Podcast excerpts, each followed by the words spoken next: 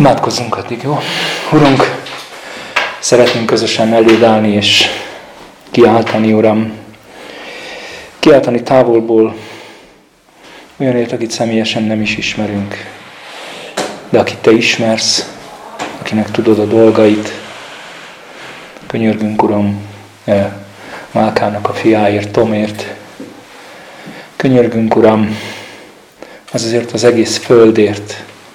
Könyörgünk az ott élő emberekért, mert egyformán szenved minden ember, és nyög ennek a világnak a gonoszsága miatt. Uram, irgalomért könyörgünk hozzád. Uram, hajolj le, hajolj le és irgalmaz, Uram. Irgalmaz mindazokon, akik ebben részt vesznek. Oltalmazd, Uram, oltalmazd mindazokat, akik akár hadra kelnek, akár védik a hazájukat, akár csak elszenvedői, Uram, mindennek a háborúnak, mindennek a gonoszságnak és mindennek a küzdelemnek, ami egyszerre zajlik, és mi nem akarunk ebben ítélőbírók és különbségtevők lenni. Elét tenni és leborulni akarunk, és kérni, Uram. Kérni, Uram, hogy könyörülj. Olyan sokszor láttunk már meg téged, könyörülő Istent. Olyan sokszor láttuk meg, ahogy könyörültél, irgalmaztál, rajtunk is könyörültél, Uram. Kérlek, hogy emlékezz meg róluk, és borítsd be, Uram, most Tomot a védeddel. Jézus nevében kérünk. Amen.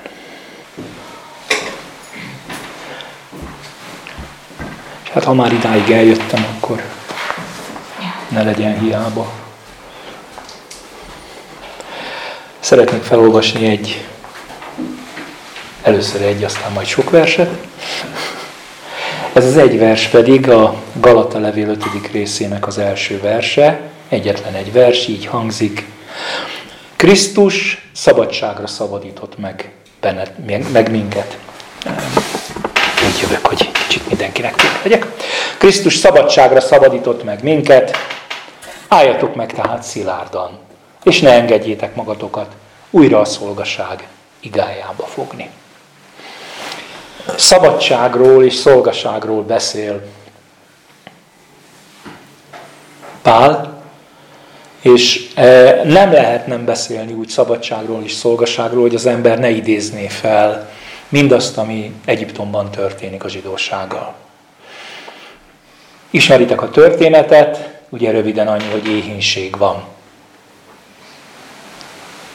Éhínség van ö, a, a, ö, a kánaáni földön, és Isten hát csodálatos módon alakítja ugye Józsefnek a sorsát, aminek eredményeképpen végül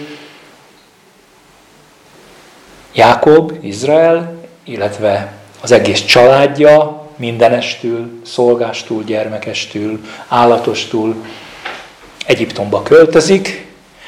Hát ők az éhínség elől mennek, és szerintem nem gondolták, hogy kicsit hosszúra nyúlik majd az ott tartózkodásuk, mert hogy több száz évig, 430 azt hiszem, a Biblia szerint, de 430 évig ott maradnak, hát ez még az idégben, idegenesen hazánkba állomásozónál is kicsit hosszabb időszak volt, azt hiszem.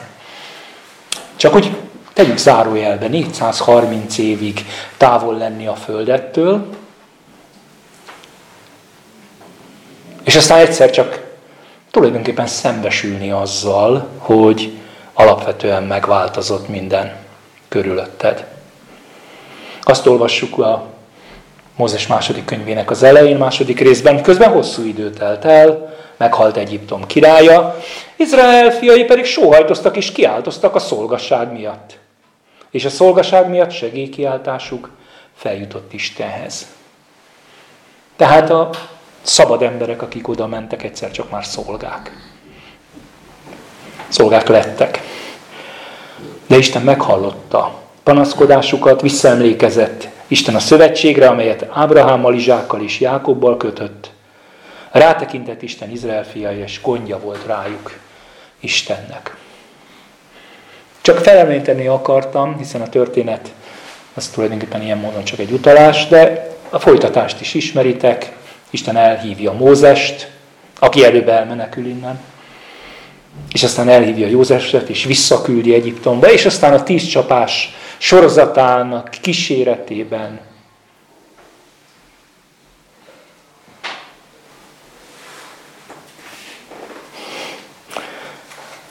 kivezeti a népet Egyiptomból. És miután eljönnek, átkelnek a tengeren, és eljutnak a Sinai hegyhez, azt mondja jól ismert szavak a tíz parancsolatból, hogy én az Úr vagyok a te Istened, aki kihoztalak téged Egyiptom földjéről, a szolgaság házából. Tehát Isten maga ö, deklarálja, ha nem vette volna észre valaki a történetből, hogy ő az, aki kihozta a szolgaságból a népet. Sőt, nem csak, hogy kihozta, hanem még azt is elmondja nekik, hogy, és ez is egy nagyon gyakran idézett vers tőlem itt a Sinai hegy lábában, lábánál, hogy ti lesztek az én tulajdonom, papok királysága és szent népek, népem lesztek. Szent népem, elválasztott népem, elkülönített népem. Mit is jelent tulajdonképpen a szolgasság után a szabadság? Ez az igazi kérdés itt ebből a szempontból, és ezért idéztem fel ezt a történetet. Mit jelent ez a számukra? Hurrá! Mostantól kezdve azt tesztek, amit akartok? Hát úgy tűnik, hogy nem. Egyrészt ez a szent népem lesztek, ugye szent elválasztott, magamnak elválasztott, elkülönített, már önmagában sejt valamit, és aztán utána ugye meg is erősíti a harmadik Mózes, Mózes harmadik könyvének a közepén, a 19. részben, amikor azt mondja, szentek legyetek, mert én az vagyok, mert én az Úr, a ti Istenetek szent vagyok. Én választottalak ki, mondja. Szentek vagytok az én számomra. Maradjatok meg ebben az állapotban, ugye a Biblia rendszeresen így fogalmaz, hogy szenteljétek meg magatokat. Miért hozom mindezt elé? Most nagyon egyszerű, mert majd most folyamatosan vissza fogok rá utálni, de azért én azt gondolom, hogy ti magatok is látjátok, hogy Egyiptom és a kivonulás az számunkra valójában a megváltásnak a paradigmája, az megváltásnak az előképe. Hadd ugorjak most egy jó nagyot, egy párhuzamos, majd kiderül történetre. Az emberteremtés utáni állapotára. Fogta az Úristen az embert és elhelyezte az éden kertjében, olvassuk a teremtéskönyvének a második részében, hogy művelje és őrizze azt. És ezt parancsolja az Úristen az embernek, a kert minden fájáról szabadon ehetsz, de a jó és a rossz tudásának fájáról nem ehetsz. Mert azon a napon, amikor eszel, halállal lakolsz. Megint egy jó ismert történetet hozok ugye elő, hiszen ez a bűnbeesés története.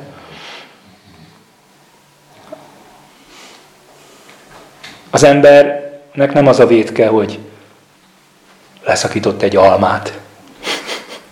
Ja, tudjuk, nem is alma volt, szegényre csak ráfogják utólag a művészetekben, hanem a kezébe veszi annak az eldöntésének a jogát, hogy mi a jó és mi a rossz. Nem a tudás, amit félt Isten tőle,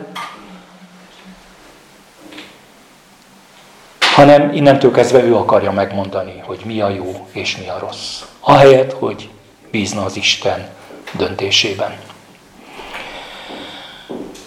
Ugyanezt a történetet, nagyon érdekesen, nagyon más szavakkal, de mégis azt ér, úgy érzem, hogy elmondja nekünk Pál a római levélben. Ahogy tehát egy ember által jött a bűn a világba, mondja a Róma 5.12-ben, tehát ahogy egy ember által jött a bűn a világba, és a bűn által a halál, úgy minden emberre áterjedt a halál azáltal, hogy mindenki vétkezett. Jelentéktelennek tekintjük néha ezt a, ó, csak egy almát evett, de valójában a Biblia tanulsága szerint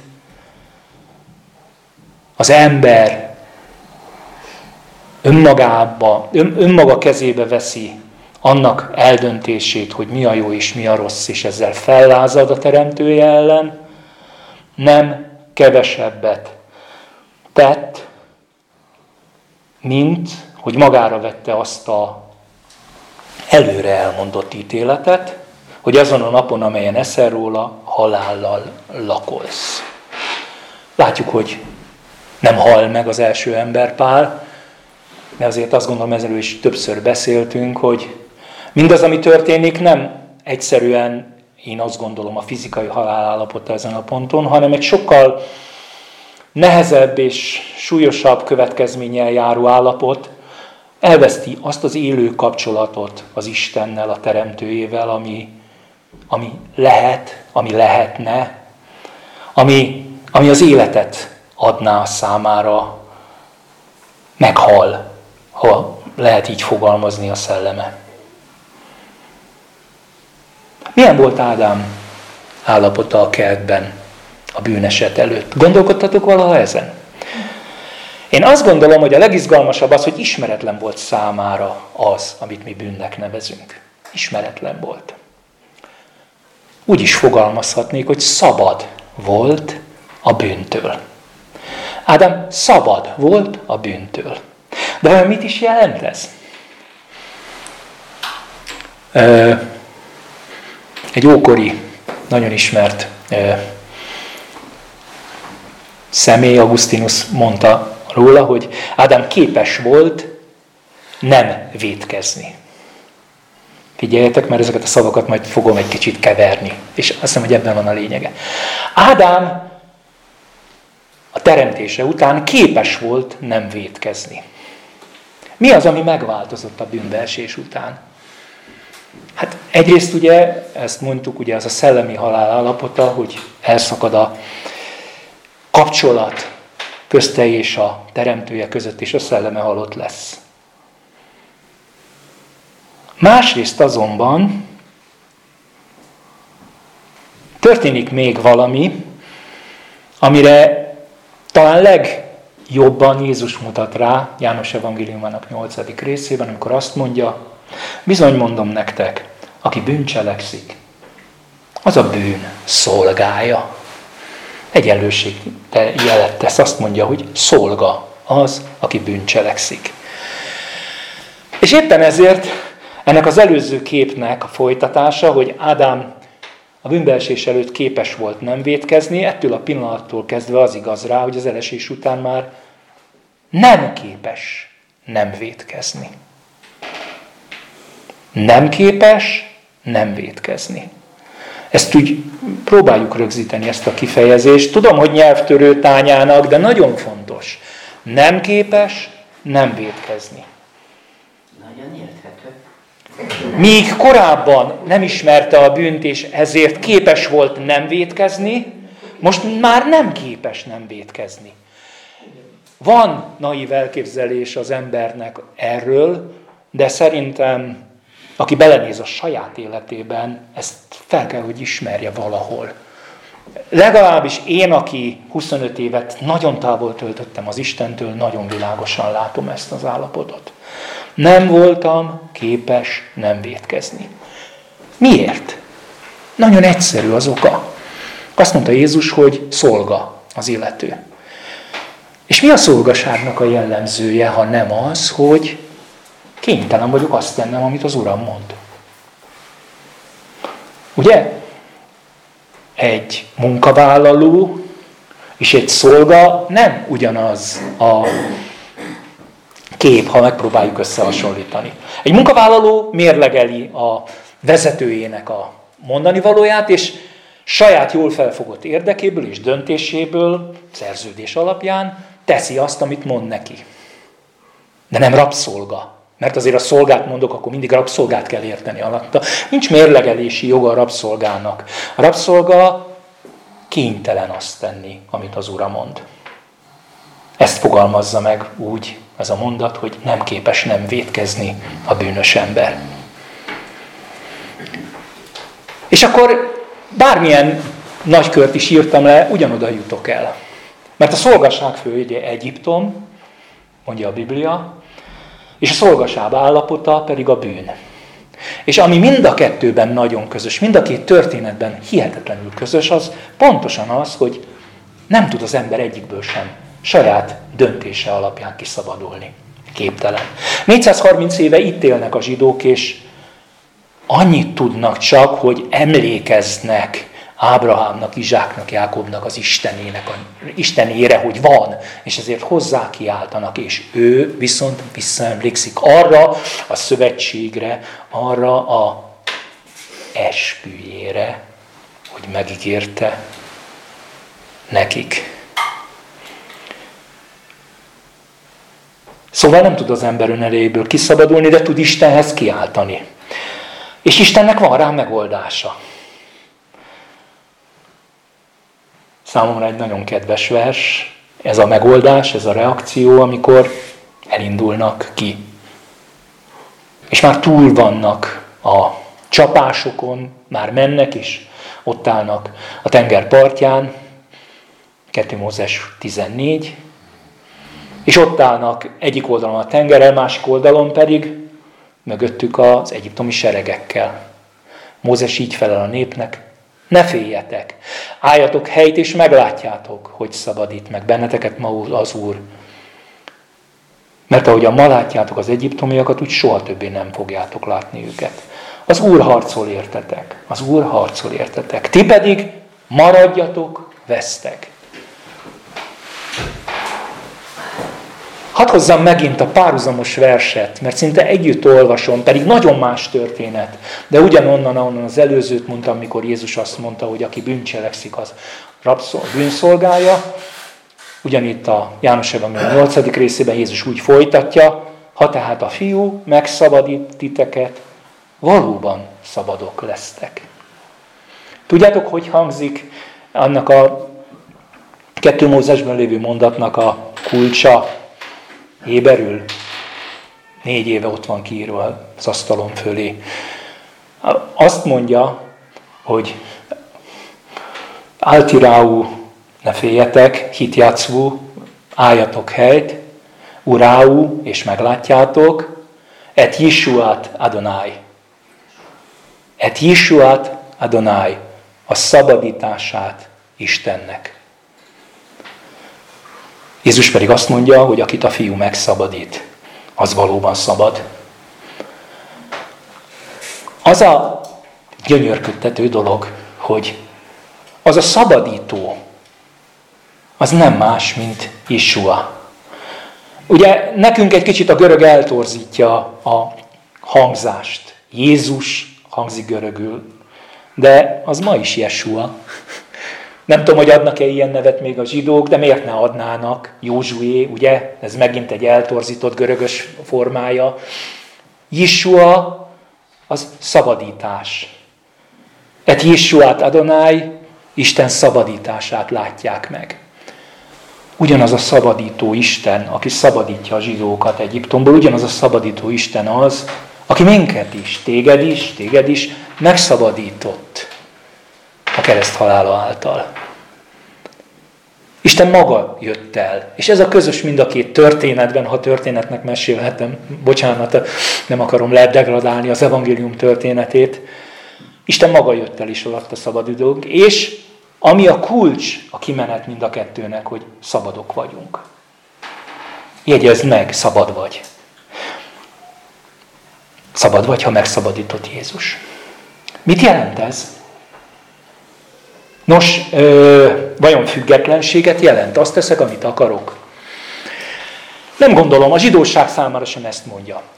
Ahogy azt mondtam, hogy népem lesztek, nekem szenteltek lesztek, az enyémek lesztek, abból a zsidóság számára sem azt ígéri Isten, hogy valami autonóm, önálló élet. Hurrá! Mostantól kezdve azt csinálok, amit akarok. Isten szabadítása azt célozza meg, hogy ne legyenek másnak a szolgái többé, hanem neki szolgáljanak. Roma levél hatodik része, megint ugrok oda-vissza, remélem érzitek, azt mondja, miután megszabadultatok a bűntől, az igazság szolgáivá lettetek. És erre azért van szükség, mert észre kell vennünk, hogy a világ azt hazudja, hogy a szabadság azt jelenti, hogy nekem nincs uram. De ez a legnagyobb hazugság, ami létezik. Mert bár a Biblia alapvetően arról beszél, hogy nem lehet valakinek, valaki két úrnak a szolgája, de én hadd mondjam azt, nincs olyan, hogy valakinek ne lenne ura. Valaki mindig az urad. Valaki mindig az urad, és valakinek mindig engedelmességre kötelezett. Rabszolgája leszel, az egyik esetben azért, mert oda születtél, a másik esetben pedig azért, mert meghajtottad a fejedet, és azt mondtad, én kész vagyok a te szolgád, rabszolgád lenni. Judit mutatja a fülét. Igen, ugye a bibliai kép az át szúrt fülű, önkéntes rabszolga, aki azt mondja, hogy szeretem az uramat, és itt akarok maradni, bár lehetnék teljesen szabad, és mehetnék ahova akarok, de nem akarok, hanem egész életemben neked akarok szolgálni. Igazándiból ez az egész szabadság témakör azért érdekes az én számomra, és azért akartam róla beszélni, mert tulajdonképpen csak egyet érdemes végig gondolni, azt gondolom. Mit kezdesz a szabadságoddal? Krisztus szabadságra szabadított meg minket, mondja ugye a kezdő igénk, álljatok meg tehát szilárdan, és ne engedjétek magatokat újra a szolgaság igájába fogni. Mitől is lettem tehát szabad? Megtértél, hitáltal újjászülettél, helyreállt az Istennel az a, az a köldög zsinór, ami összeköti az életedet vele, és egy új természet részeseivé váltál, ami azáltal, hogy Krisztus legyőzte, a, győz, győzött a bűn fölött, te is győztessé váltál a bűn fölött. Azt mondtam, hogy Ádám nem volt képes nem vétkezni. Az újjászületett ember ezután már képes nem vétkezni. Ami megváltozott benned, hogy eddig nem voltál képes nem vétkezni, most pedig képes vagy nem vétkezni. Fontos különbség, nem mondta senki, hogy nem fogsz vétkezni. De azt igen, hogy szabad vagy. És itt jutunk el igazándiból, hogy mit is jelent a szabadság, hogy szabad vagy a bűntől. Szabad vagy, nem vagy a bűnnek a szolgája, és éppen ezért Isten képessé tesz arra, hogy ne védkezz. És aztán majd lesz egy jó állapotunk a mennyben, amikor már nem leszünk képesek védkezni. Legalábbis ez a reménységünk. Álljatok meg szilárdan, szól a felhívás az apostol részéről. És ez, ha visszaemlékeztek, hogy mit is olvastam a Héber szövegből, pontosan ugyanerre utal vissza. Álljatok helyt. Álljatok helyt. Álljatok meg szilárdan, biztat minket, úgy, ahogy a tenger partján ott álló népnek is azt mondja, hogy állj helyt. Majd az Úr az, aki elvégzi a szabadítást, de neked is van szereped benne. Állj helyt. Mit jelent ez? Hogy kéne ezt apró pénzre váltani? Nagyon sokat gondolkodom rajta. És nagyon sokat segített egyébként Ildikó két héttel ezelőtti. Egy hete volt? Ja, Istenem, nem olyan távol. Bocsánat. Egy héttel ezelőtti bizonysága, tényleg. Azt olvassuk, és ez egy nagyon gyakran idézett ige, és egy fordulópont a római levélben, a Róma 12.1.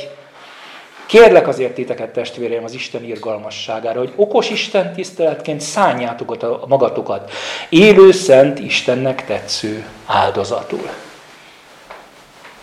Ha megértettétek az evangélium üzenetét, mondja Pál, akkor váltsátok apró pénzre mindazt, amit megértettetek belőle. Ugye két dologra hívja fel a figyelmet. Az egyik erre a szányátok oda.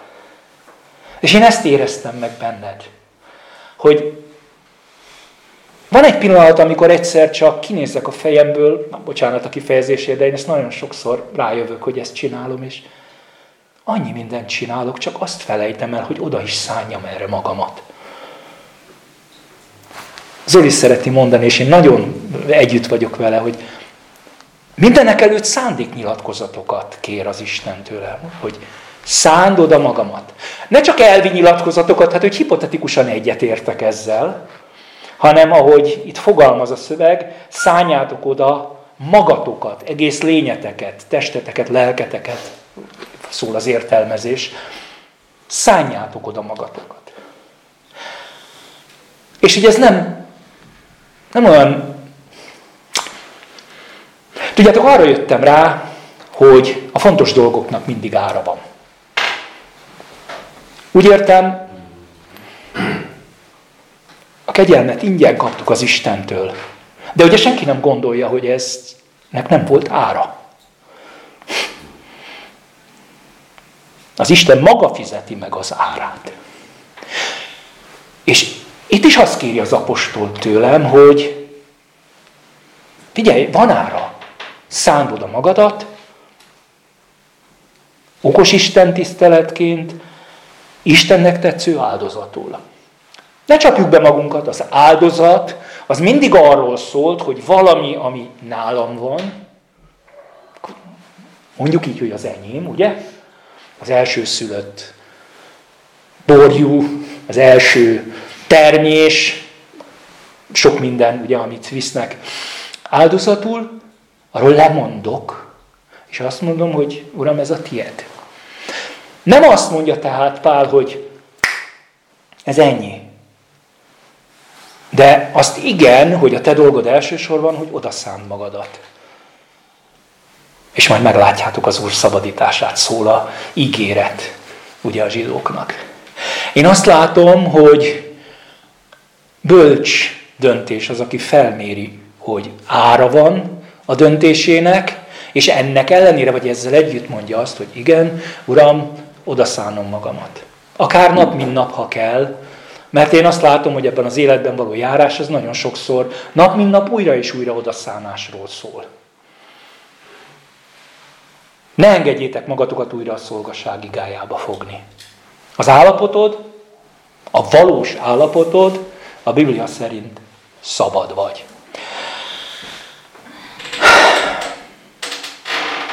De azért higgyétek el, az ellenség nap mint nap el akarja hitetni, hogy ez nem így van.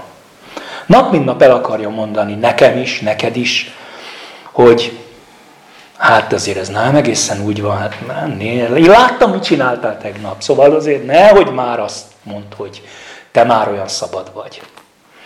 És azt hiszem, hogy amit fontos észrevennünk, hogy a szabadságunk az egy jogi állapotunk. Valaki kifizette az árát a rabszolgaságunknak a rabszolgapiacon, ha lehet ezt mondani. A megváltás kifejezés szó szerint azt a, azt a folyamatot jelzi, hogy a rabszolgapiacon kivásárolják a rabszolgát, hogy szabad ember legyen.